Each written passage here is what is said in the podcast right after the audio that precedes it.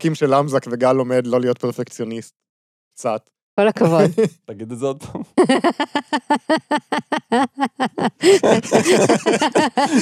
יפה.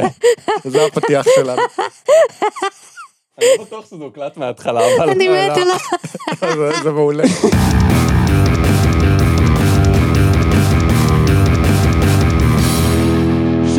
שלום לכולם, אני גל, איתי נמצאים חגי. היי. וליבי. היי. למזק, למה זה קיים? המקום בו אנחנו שואלים את השאלה שהיא השם שלנו. והפעם, מעריב לנוער משנות התשעים. חגי, מעריב לנוער משנות התשעים. למה זה קיים? אז כבר עשינו פרק על מעריב לנוער משנות ה-60 ועל מעריב לנוער משנות ה-80, ועכשיו אנחנו מגיעים לחלק האחרון בטרילוגיה, מעריב לנוער משנות ה-90. אתה אומר שזה טרילוגיה, כאילו אתה הולך להפסיק עם האובססיה שלך למעריב לנוער?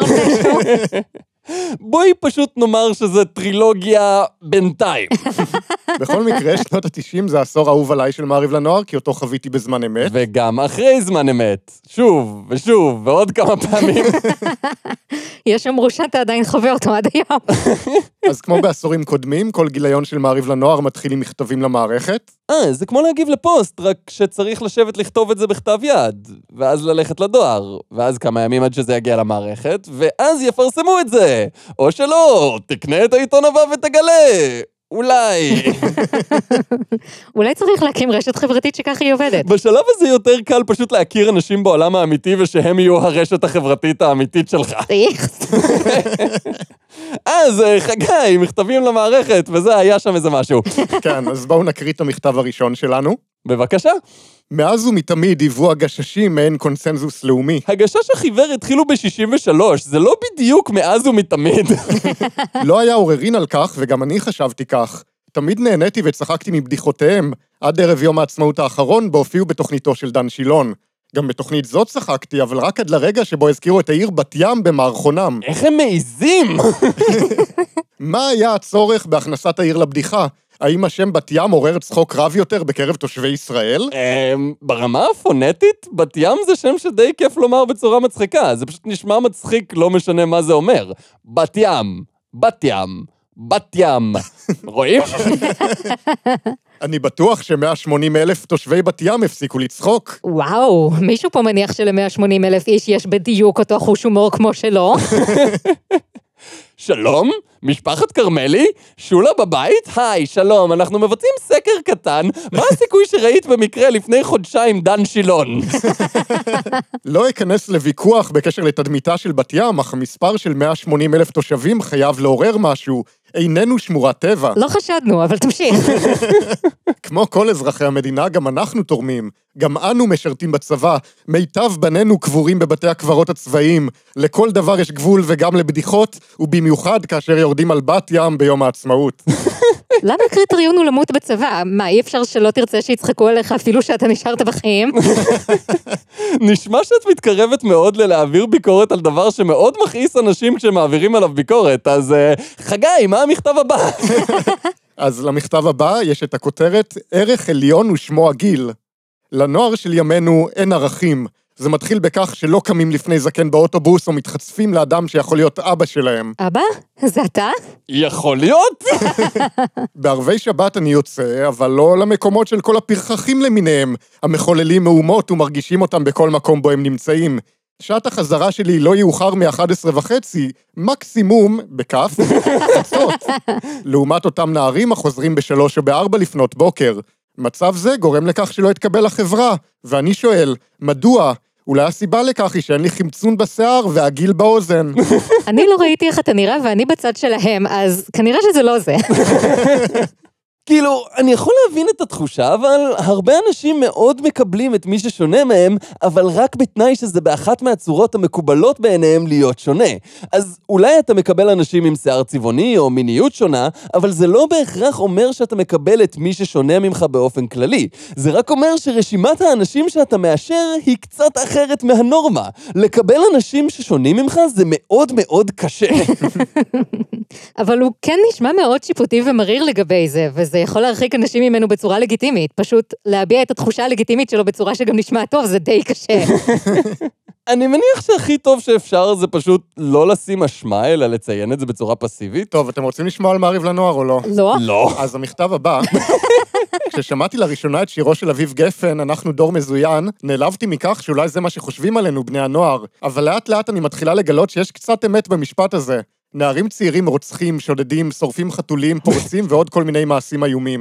אני יודעת שלא כולם כך, אבל העתיד של המדינה הזאת נתון בידינו, ובעוד 30 שנה בערך, אם המצב לא ישתפר, המדינה שלנו תתמוטט בגלל הנוער הזה.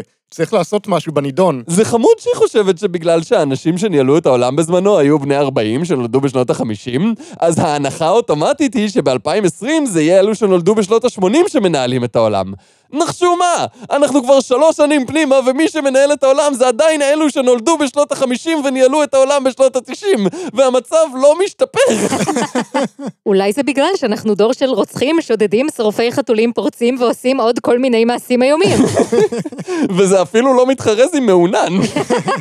ואם כבר מדברים על אביב גפן, עדי יעקב מראשון לציון חושפת את הצביעות שלו. או-הו, אני רוצה לומר שכל מי שהבין משיריי שאני בעד התאבדות טעה טעות חמורה. זה צריך להיפסק ועכשיו. אמנם יש קשיים בחיים, אבל הדרך היחידה לפתור אותם היא להילחם ולהתמודד. החיים הם ערך מקודש בעיניי. זה מה שאמר אביב גפן בתוכנית של גבי גזית בערוץ 2. אבל יש לי שאלה עבורך, אביב. אם אתה כל כך מתנגד להתאבדות, מדוע אתה עונד טיליון מת? כי זה משחק מילים אירוני על טליון שכתוב עליו חי, שהוא מאוד פופולרי? ומדוע בהופעתך האחרונה ירדת מהבמה בארון מתים? ומדוע פרסמתם הודעה של עמוד שלם בעיתונים שכתוב בה אני אביב גפן בעד התאבדות ואל תאמינו לשום דבר אחר שאתם שומעים בתשקורת? ואיך אתה יכול להסביר את התופעה שנערים ונערות שהקשיבו לשיריך ניסו וגם הצליחו להתאבד? אני גם די בטוח שהם כולם נשמו אוויר ושתו מים, אז הורים, תסגרו חלונות ותוציאו את הברז מהבית, כי אתם לא יודעים למה זה יכול להוביל. כן, אפילו אותי זה מכעיס כמה שזה לא איך שזה עובד. עוד מדור קבוע במעריב לנוער בשנות ה-90 היה צ'יפס, אוסף של פינות הומוריסטיות קבועות, כמו הקו הלוהט, שבה נערך ראיון עם סלב על נושאים סקסיים, חלקם לא התיישנו כל כך טוב במבט לאחור. אוקיי.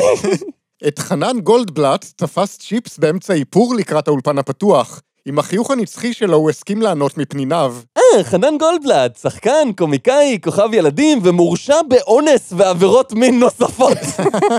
כן, זה בהחלט התיישן רע מאוד. מה אתה חושב על סמנטה פוקס? אני חושב שהיא יכולה להיות שר בממשלה, ועד כמה שאני יודע היא שחקנית פוקר מעולה. אגב, לא אכפת לי לארח אותה לאיזה סופש אצלי בבית. אוי, לא. אתה רוצה לגלות לקוראי צ'יפס מהו גילך? לא, מה, אני צריך שכולם ידעו שאני בן 22 פלוס. מה גם שחוץ מזה יש לי הרבה פלוסים. איך התחיל כל העניין עם הילדים? אוי, לא. הרומן שלי עם הילדים התחיל כשהייתי בן שש, כשהכניסו אותי למיטה אחת עם השכנה שלי שהייתה מבוגרת ממני בשנתיים. אוי, לא. אתה ממש מערער לי את הנוסטלגיה שיש לי ל nineties. או הריאיון עם הכותרת, דודו טופז מת על ישבנים גדולים. אה, דודו טופז, בדרן, שדרן ושכר פושעים ששברו את העצמות של אויבים שלו. מיד אחרי שהוא גומר לחייך חיוך גדול למצלמות, ושוב פולט פליטת פה, הפעם על ערבים, בשידור חי, בסוגריים, מובן שהוא התנצל לאחר מכן והסביר את כוונתו האמיתית. אני רק אמרתי שערבי טוב זה ערבי עם עט, שיהיה לו קל יותר לכתוב. גם הבדיחות שלנו הם משנות ה-90 עכשיו, גל? הצליח צ'יפס לתפוס את דודו טופז, ואפילו לשאול אותו כמה שאלות נורא חשובות. מה שבית המשפט לא הצליח לעשות. מהי האישה הכי סקסית בעיניך? קודם כל, מה היא? שתיים, לא אמרנו שזה מעריב לנוער, כאילו, לבני 18 ומטה? אני לא אוהב יופי זוהר, אני מת על ישבן גדול וחזה לא גדול, כמו של הברזילאיות. יכולת לומר אשתי, אבל סבבה. מתי הפסקת למצוץ מוצץ? אני עובר ממוצץ למוצץ, בהתחלה מוצץ, אחר כך אצבע, יותר מאוחר עיפרון, והיום... אני לא יכול לפרט, כי זה מדור חינוכי, לא? כבר הזכרת ציצי וכבר הזכרת תחת, אז מה אתה מוצץ בדיוק, דודו? אה, באופן כללי נראה שאין דבר שבני נוער בניינטיז אהבו יותר מרמיזות מיניות בוטות, רמיזות מיניות בוטות. האם זה נחשב רמיזות עדיין? כמו במדור תשמע קטע שבו קוראים סיפרו על מצבים מצחיקים שקרו להם בכיתה ובמקומות אחרים. אוקיי. מורה שובבה. באחד השיעורים שלנו עם המחנכת גלשנו לנושא נערות הליווי. תוך כדי התלהבות העיר אחד הבנים, זה אחד המקצועות המכניסים ביותר. בתגובה אמרה המורה, מכניס מה? מעניין למה התכוונה. פין. היא התכוונה לפין. בסיטואציה האמיתית לגמרי הזאת שבטוח קרתה. ביום רביעי אחד נערך שיעור גיאוגרפיה שגרתי בכיתה ט'3 במקיף א' באשדוד. רוב התלמידים שנשארו ערים לה עשו מסטיקים, וכשלמורה שרונה נמאס מה לעיסות, היא התחילה לאיים. כל מי שיתפס לא אס מסטיק ינקה את כיתה ז'-6, הכיתה ששרונה מחנכת. א' ג', אחת החכמולוגיות של ט'3, קמה והצהירה, למה, מי הפראייר שינקה? ואז שרונה ענתה, מי שלא ינקה את ז'-6, ינקה את כל הזיינים. אתם הבנתם את זה? כן, היא אמרה שהתווספו כיתות לעונש. אה. מוכר השלגונים בחוף גורדון בתל אביב פיתח שיטה מקורית ביותר להכרזה על סחורתו, מציצה בשני שקלים. אך מתברר שיש לו מתחרים קשים רבים המוכנים לתת לכל עלמת חן בביקיני את אותה סחורה בחינם. הכוונה כמובן היא שיש נציגי חברת פרסום שמחלקים שלגונים בחינם כדי להעלות מודעות למותג ולהציג לאנשים את המוצר החדש שהם משווקים, דבר שמאוד מקשה על הסוחר העצמאי להתפרנס. אבל לא כל הקטעים שם הם רק רמיזות מיניות. כאילו, באמת, זה רמיזות באותו מובן שליבי רומזת לנו שהיא לא רוצה להיות בפרקים של למזק יותר. אני לא רוצה להיות בפרקים של אמזוק יותר. אם אני פה, אז את פה, אנחנו לא זזים עד שלא סיימנו. בטיול לנגב הגיעה כיתה י'6 לקיר ההמוניטים, קיר מלא מאובנים. מפאת הסבריה של המדריכה נילי, השתעממו התלמידים והתחילו להתפרע. המורה בתגובה, אתם יודעים שאתם מכוערים? כן, כן, כולכם צאצאים של שבט חואריה. עם כל האובססיה הזאת למין, הייתם מצפים שלבני הנוער בניינטיז יהיה ידע מקיף במין, אבל לפי המדור על בנים ועל בנות נראה שלא ממש. לפני האינטרנט, החלק הקשה היה שיהיה לך את הידע. היום אנחנו נתקעים בחלק של איך להשתמש בו. האם אפשר להסתמם מנשיקה? בת 15, חברי השתמש בסמים לפני שהתנשקנו. אחרי מספר דקות חשתי בפחד עצום, רעדתי וכאבה לי הבטן. האם ייתכן כי נדבקתי בסם? זה בסדר שלא ידעת אם זה איך שזה עובד, אבל למה לא לציין איזה סם זה היה? כי זה קצת חשוב. אני הייתי שוקלת את האפשרות שאולי לא באמת רצית להתנשק איתו אם ככה הגבת. האם קוקה קולה באמת יעיל? בת 16, שמעתי שאם משתמשים בקוקה קולה מיד לאחר יחסי מין כשטיפה וגינלית, לא נכנסים להיריון. האם יש אמת בשמועה? תשובה, לא צריך להגזים בנפלאותיו של קוקה קולה. אמנם משקה טעים מאוד, אך אינו חומר קוטל. יש שיגידו שהוא לא טעים מאוד, או לא טעים בכלל. אני אפילו לא בטוח שכולם מסכימים שזה טכנית נחשב משקה. אני מניחה שקוטלי זרע אמיתיים הם לא באמת טעימים, אז זה כנראה כלל אצבע טוב, אם זה טעים זה לא קוטל זרע. כלל האצבע הכי טוב הוא, אם זה לא משווק בבית מרקחת כאמצעי מניעה, אל תשתמשו בזה כאמצעי מניעה. אבל זה רק דעתי. ודעתי ודעת משרד הבריאות. מבחני קבלה משפילים לחברה. בן 16, בבית הספר בו אני לומד קיימת חברת ילדים הנחשבת אין. כדי להתקבל אליה יש לעשות שני דברים, האחד לעשן חשיש, והשני לאונן בפרהסיה. מה? עשיתי זאת ואני חש מושפל, שכן לא הייתה לי שפיכה וכולם צחקו עליי. למה זה קרה לי? האם משהו לא בסדר אצלי? הרבה דברים לא בסדר בכל הסיטואציה הזאת, הדבר העיקרי שהוא כן בסדר זה זה שזה מפריע לך. בשלב הזה אתה עדיין בכלל רוצה להתקבל. זה כמו הציטוט המפורסם הזה של גראוצ'ו מרקס. אני לא מוכן להיות חבר במועדון שמוכן לקבל אנשים כמוני, כמו כן, אם צריך לעשן חשיש ולאונן בפרהסיה כדי להתקבל, אני גם בחוץ. וואי, לא ידעתי שזה המשפט המלא. כן, זה תמיד חותכים באמצע. אבל ההתעסקות במיניות לא עוצרת רק במדור שאלות ותשובות. או ברעיונות של מפורסמים, או בסיפורים מהכיתה, באיזה שלב היא כן עוצרת? פגישת מחזור 1984. אם תשמעו מילים גסות בהצגה, כמו קונדומים למשל, בסוגריים גיחוכים נבוכים בקהל, שזה איך שאני תמיד מדמיין את הצד של המאזינים בלמזק. דעו לכם שהכל באישור משרד החינוך. מצד אחד זה נשמע כמו רעיון טוב, אבל מצד שני האישור של משרד החינוך גורם לי קצת לפקפק בזה. כך, בשיא הרצינות, הוכן הקהל לפגישת מחזור 1984, הצגה חדשה לנוער העוסקת בחינוך מיני. אל הבמה המעוצבת כצד האחורי של ליווייס כחולים עלו השחקנים גליה טופול, הבת של, הבת של חיים טופול, שמפורסם כי הוא שיחק בסרט ההוליוודי של כנר על הגג. זה לא מצחיק, זה לא קשור לשום דבר, אני פשוט מניח שאנשים לא יודעים מי זה חיים טופול, וחבל, הוא ממש טוב. ואקי אבני. שהוא אקי אבני, חפשו את זה. אקי וגליה הגיעו לפגישת מחזור שמונה שנים לאחר סיום לימודיהם, ומעלים זיכרונות מימי התיכון העליזים. החל בפגישה הראשונה, חדשקונים, בסוגריים, איך הוא אוהב אותם, שלמים או מפוצצים? מה? דרך סיפורו הנוגע ללב של יורם היורם, שכולן רואות בו ידיד בלבד, וצורתו החיצונית מונעת את הצלחתו בקרב הבנות. ואיך הוא מתחיל להסתובב בקבוצות פייסבוק סגורות, ולהידרדר למיזוגניה, ומשם לגזענות, ואז לנאציזם. זה לא מעריב לנוער 2020, גל, זה שנות ה-90. סצנה קצת לא משכנעת כשאתה נראה כמו אקי אבני, ועד זרע להזרע החמוד וביץ הביצית החיננית, שהקונדום מונע את פגישתם המיוחלת. זה היה מעבר חד. שערורייה קטנה התרחשה מאחורי הקלעים כשהשחקנים היו אמורים לעלות לבמה. הבמאי האווארד ריפ הגיע בסערה אל דודי אור המפיק, וטען שאין מספיק קונדומים, כי אקי מנפח את כולם כמו ילד. ניסיונות אחרונים למצוא קונדום פרטי אצל האנשים שמסביב, הוכיחו כי הבושה עדיין שולטת באזורנו. זה באמת בושה להשמיד פרופס. פרק זה מוגש לכם בחסות למזק לנוער! כל הילדים הכי גזעיים נרשמים ומצטרפים ללמזק לנוער! עם גל, חגי וכמובן ליבי! עם פרקים ועוד פרקים וזהו, זה פודקאסט, למה עוד ציפיתם? למזק, אם אתה לא שם, אתה לא למה זה קיים חוץ ממין, הדבר הכי פופולרי בקרב בני נוער ב nineties, לפי מעריב לנוער, היה כמובן לשמוע מוזיקת רוק כבד ולהיות חבר בכת השטן. התחקירים שלהם בנושא הובילו לכמה מכתבים זועמים. אני יכול לדמיין.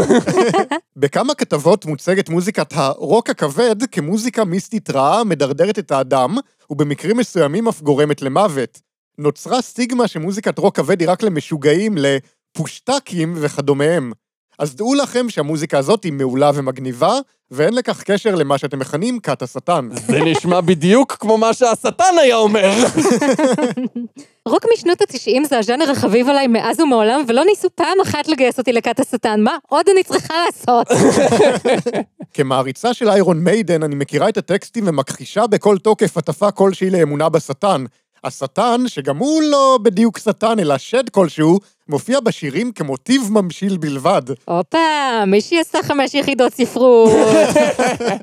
יש רק חמש להקות המטיפות לאמונה בשטן, שתיים מהן בבירור ושלוש בעקיפין, והן ג'ודס פריסט, גאנסן רוזס, כיס, וואסט ובלק סבת. שפתאום שמתי לב איך לכולן יש סמך ופ וס בשם. להגיד את הכל ברצף זה זה בלם סבא זה הדוגמאות הכי קיצוניות שיש לכם, כיס זאת להקת דיסקו מבחינתי. אני די בטוח ששמעתי שירים כבדים יותר מהלהקה שעשתה את 111 משפטים והוכחות. זה אתה, זה אתה שעשית את 111 משפטים והוכחות. אתה עשית את זה בפרק 60. אין לי מושג על מה את מדברת. אבל כמובן שכל ההכחשות האלה לא באמת עזרו אחרי שאיתו אבירם חשף את כל האמת, בתחקיר שנקרא "פגשתי את סגנו של השמדי". אה, יוסי, מה המצב? מה קרה? השמדי היה עסוק, היה צריך לשלוח מחליף? האם כת השטן, זו שכל כך הרבה דובר בה, הייתה המצאה אופנתית של בני נוער משועממים, או שמא מדובר באמת בתנועה אמיתית בעלת אופי מחתרתי? למה לא גם וגם? לרוע יש כוח, אין ספק. מי שרע פוחדים ממנו, מי שמצהיר שהוא סוגד לרוע, מאמין בחושך ובנציגיו, כל הסובבים אותו תופסים ממנו מרחק, או במקרה הגרוע, מנסים להתחבר אליו כדי ליהנות מצל צילו של אותו כוח אלים שדבק בו. או, במקרה הסביר, מרחכים וממשיכים בחיים שלהם. כן, אנשים אלימים וחשוכים בדרך כלל נוטים לטעון שאתה זה שרע אליהם. לא יודעת, זוכרת ראיון עם חנן גולדבלט מקודם? כן, אז לפעמים פשוט צריך להאמין להם וזהו. מי לא פחד פעם מהחושך? מי לא שמע בילדותו את כל אותם סיפורים על השאול, השדים, רוחות הרפאים, ועוד מעלתו השטן בכבודו ובעצמו? אני. מה, לא סיפרו לך סיפורים על השטן כשהיית ילד? אמת, תמיד ידענו שכל היצורים הללו קיימים רק בדמיון ולא במציאות. אבל הגבול מטשטש כל כך בקלות לפעמים. מתי? כשחייל גברי, קרבי ונאה מראה יושב מולך למשל, ומספר לך שהוא הסגן של השמדי. אתה אומר שהגבול מטשטש, אבל מהתיאור שלך נשמע שהגבול נחצה. אמיר הגיע אליי מיוזמתו, גבוה, מוצק, לבוש במדי אחת מיחידות חיל הרגלים המובחרות יותר. הוא אמר לי שכלל לא התכוון להיפגש איתי או עם כל נציג אחר של התקשורת, אבל אומרים עלינו דברים כל כך מסולפים בתקשורת, שהייתי חייב לצאת ולהגן על חברי הכת שאני אחד ממנהיגיה. כלומר, אתה גם חייל בצה"ל וגם חבר בכת השטן? זה מה שקורה כשיש גיוס חובה, לפעמים מתפלק לך חבר בכת השטן, זה פשוט סיכון שצריך לחיות איתו. כן, תראה, זה לא התחיל בצבא כמובן, אלא בתקופה שבה הייתי תלמיד. למדתי בתיכון ידוע בתל אביב במגמה ביולוגית, ואז גם התוודעתי לעניין הזה. תמיד חשדתי במגמה הביולוגית האלו. יש לי חבר טוב שביחד היינו מבלים המון בדיסקוטקים. שמענו והתנסינו בכל מיני דברים דומים, כמו ריקוד הפוגו המפורסם. אבל זה לא מה שהכניס אותי לרעיון של כת השטן. בסופו של דבר הגענו לזה בכוחות עצמנו. יום אחד בא חבר שלי וסיפר לי שהייתה לו התגלות כמו לנביאים בתנ"ך. מובן שבהתחלה צחקתי מכל העניין וניסיתי לעשות מהכל בדיחה, אך הוא התעקש. אמרתי לו שאני לא מאמין בכלום, לא באלוהים ולא בשטן, אבל הוא ענה לי, איך זה ייתכן שלפני אלפי שנים היו לבני אדם התנסויות והתגלויות, הם כתבו על כך ועד היום מאמינים לזה, והיום זה לא קיים. את השאלה הזאת אנחנו הולכים להשאיר בתור תרגיל בית למאזינים. התחלנו לחפש בספריות חומר על מיסטיקה, על מגיה שחורה והתעמקנו בו. כך הכרנו תורות חדשות. ישנה תורה נקראת דואליזם, הדוגלת בקיומם של שני כוחות, טוב ורע. אין הטוב יכול להתקיים לבדו, חייב להיות רע מולו, אחרת אין לטוב משמעות. כן, אני שמעתי על התיאוריה הזאת, יש ציטוט ממש מפורסם של ההוא, נו, איך קוראים לו? אה, やだ。חוץ מזה, אפשר שיהיה יותר ופחות ממשהו בלי שיהיה את הנגדי שלו בהכרח. אפשר שכולם ינסו להיות נורא נחמדים אחד לשני כל הזמן, במידות שונות של הצלחה. זה מסוג הדברים שנשמעים נכונים כל עוד לא חושבים עליהם לעומק, אלא מסתפקים בדוגמה אחת או שתיים. כך הגענו לאמונה באנגרמניו, כלומר בלוציפר, השטן העומד בראש כוחות הרוע והשחור. הרוע והשחור. ללוציפר יש נביא עלי אדמות ושמו אשמדי. זהו החבר שלי. החבר שלי, שלא פגשתי אף פעם, והייתי צריך לנהל שיחה כדי להבין אם הוא קיים או לא. מה, החברים שלכם לא ככה? הסגן שלו זה אני, שמי סמאל. מתחתיי נמצא חבר כת אחר המכונה בליעל. ישנו גם משטמה, ושאר החברים בכת הם מלאכי חבלה. אה, תראה, ברור שאנו המצאנו את התארים האלה, אבל אנו מאמינים בהם. אנחנו הגיוניים. אני לא חושב שאני באמת סגנו של השמדי, אבל אני מכונה כך בהיררכיה שלנו. אתה לא יכול ככה לבוא ולזרוק לי פה מילים באוויר כמו הגיוניים וברור, באותו משפט שאתה מאמין בכת השטן. הכת היא חשאית לדבריו, ואין אפשרות להתקבל אליה גם אם רוצים. כל מי שמספר לך על כת השטן הוא סתם שקרן. אז מה זה אומר עליך? ישנם עוד כמה חצאי אמיתות שמפיצים עלינו, כמו הסיפור על הריקודים האלימים שבהם מתגוששים מאמיני הכת זה בזה עד זוב דם לצלילי מוזיקת רוק שטנית. זה לא כך. נכון, הוא השתתף בעבר בריקודי פוגו, מכיר היטב את הדחיפות וההתגוששות, את נלי הפילה, ריקוד אלים. וואי, נלי הפילה, אני לא חשבתי על זה שנים. אוקיי, כשהייתי בחטיבת תיכון, הייתי יוצאת די הרבה למועדוני רוק ומטאל, ואחד השירים הקבועים בפלייליסט היה נלי די אלפנט של הטוידולס, ובאמת כולם אהבו לרקוד את זה, אבל אני חייבת להגיד שזה היה פחות אלים ואפל ויותר מצחיק וחמור. אבל זה לא קיים אצלם. נוגעים, מתחככים, אבל בשום אופן לא בועטים או שולחים אגרופים. נשמע כמו עצה טובה לחיים באופן כללי. הערב יש לנו פגישה במרתף של בית פרטי של אחד מחברי הכת. ההורים שלו נסעו לסופש, ואנחנו מנצלים את ההזדמנות. כי אין שום דבר שאומר לי חבר בכת השטן, כמו ההורים שלי נסעו לחו"ל, אז הבית הפרטי שלי פנוי. מה יש שם? אני לא יכול לספר לך בדיוק, אבל אנסה להסביר בכלליות. יש טקס מסוים. לא, אתה לא יכול להשתתף בו, זה אסור. גם חברי הכת לא יודעים על קיום הפגישות האלו, אלא ברגע האחרון. צריך להיות מעל גיל 16 כדי להשתתף בטקס הזה ולהישבע ללוציפר שבועת אמונים. אנחנו משתמשים בספרים עתיקים ולוחשים כישופים שאותם למדנו. לחלק מחברי הכת יש כתובת קעקע מוצנעת. אני כעקעתי קופידון ופרח. זה לא נשמע כמו סוג הקעקוע שהייתי מדמיין שהיית אומר לי קעקוע של חבר בכת השטן. קופידון זאת מיתולוגיה אחרת לגמרי, אתה קצת התבלבלת. מה עם סמים, אורגיות? ישנן שמועות שהעניינים האלה פורחים אצלכם. סמים לא. בעצם השמדי לוקח לעיתים רחוקות, אבל אנחנו לא. מה שכן לוקחים זה צמחים כאלה שמכניסים אותנו להזיות ולטריפים. פעם בשבוע זו אינה התמכרות. חבר, עשית פטריות, צר לי לבשר לך, אבל זה נחשב סמים. מה עוד אתם עושים בטקסים שלכם? בובות וודו. כן, באמת. אם כת השטן מחליטה שיש לה אויב, היא תפעל נגדו. איך? בין השאר על ידי עיצוב בובת שעווה בצלמו ובדמותו של האויב הזה. במהלכה של תפילה רצופת כוונות הנאמרת כדי לפגוע באותו אויב, נכנסים לטראנס, ממלמלים דברים, ואז נועצים את הסכין בבובת השעווה. תתפלא, אבל זה עובד. אחרי שהשמדי דקר בידה בובת שעווה שהוצבה בצורת קצין שהיה מציק לו בצבא, אותו קצין נפצע בידו בשני שברים. אני השתכנעתי, מי צריך ניתוח סטטיסטי וביקורת בלתי תלויה כשיש לך סיפור אנקדוטלי יד שנייה על קצין חסר שם שעבר פציעה קלה? אפילו לא משחררים על זה, כן? מי שרוצה לעזור לזולת, שיעשה כמו שהוא רוצה. בשביל מה לעזור לזולת? כדי לקבל בחזרה? אנחנו מעניקים מעצמנו לשטן וצוברים יותר ויותר כוח. יותר בני נוער ממה שאנחנו חפצים מעוניינים להצטרף לשורותינו, אבל גם אנחנו מעוניינים שלא כל העולם יהפך פתאום לרע ולחובב שטן. צריך שיהיו משני הצדדים, לא? הגבלות גיל, לעזור לאנשים, לא לנסות לגייס ועוד לשמוע מטאל תוך כדי, זאת הכת הכי שווה שדיברנו עליה עד עכשיו. אז, חגי, מעריב לנוער משנות התשעים. למה זה קיים? כדי שילדים יפסיקו להשתמש בקוקה קולה.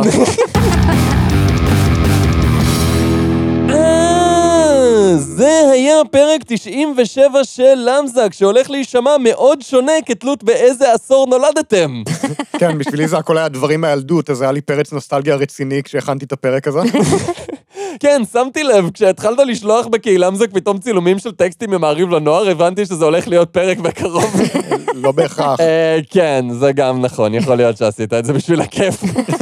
אז אם גם אתם רוצים להצטרף לקהילה מזק, להכיר מאזינים אחרים, לדבר על הפרקים, או סתם לפוצץ לי את האולפן באמצעות היום בוט שרעבי, אתם יכולים להצטרף לדיסקורד שלנו כבר עכשיו, כל הפרטים בתיאור של הפרק. חוץ מזה, אם אתם רוצים עוד יותר חומרים, עוד יותר בלעדיים, אתם יכולים עוד יותר להצטרף לפטריון שלנו. לתמוך בנו בכל סכום שתבחרו, וככה לתרום להתמכרות הלא בריאה של חגי למעריב לנוער. ייי. אה, זה היה פרק 97 של למזק, בו למדנו שעדיף להצטרף לכת השטן ולהיזהר ליד אנשים שעושים בדיחות מיניות לתיכוניסטים, מאשר להשתמש בקולה כאמצעי מניעה ולעשות בדיחות על בת ים. אז אה, ביי! ביי. ביי.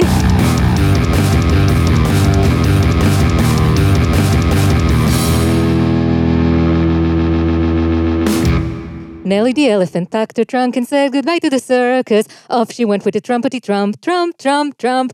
Now Nellie the elephant packed her trunk and trumbled off to the jungle. Off she went with the trumpety trump, trump, trump, trump. וואו! יאללה, מכות.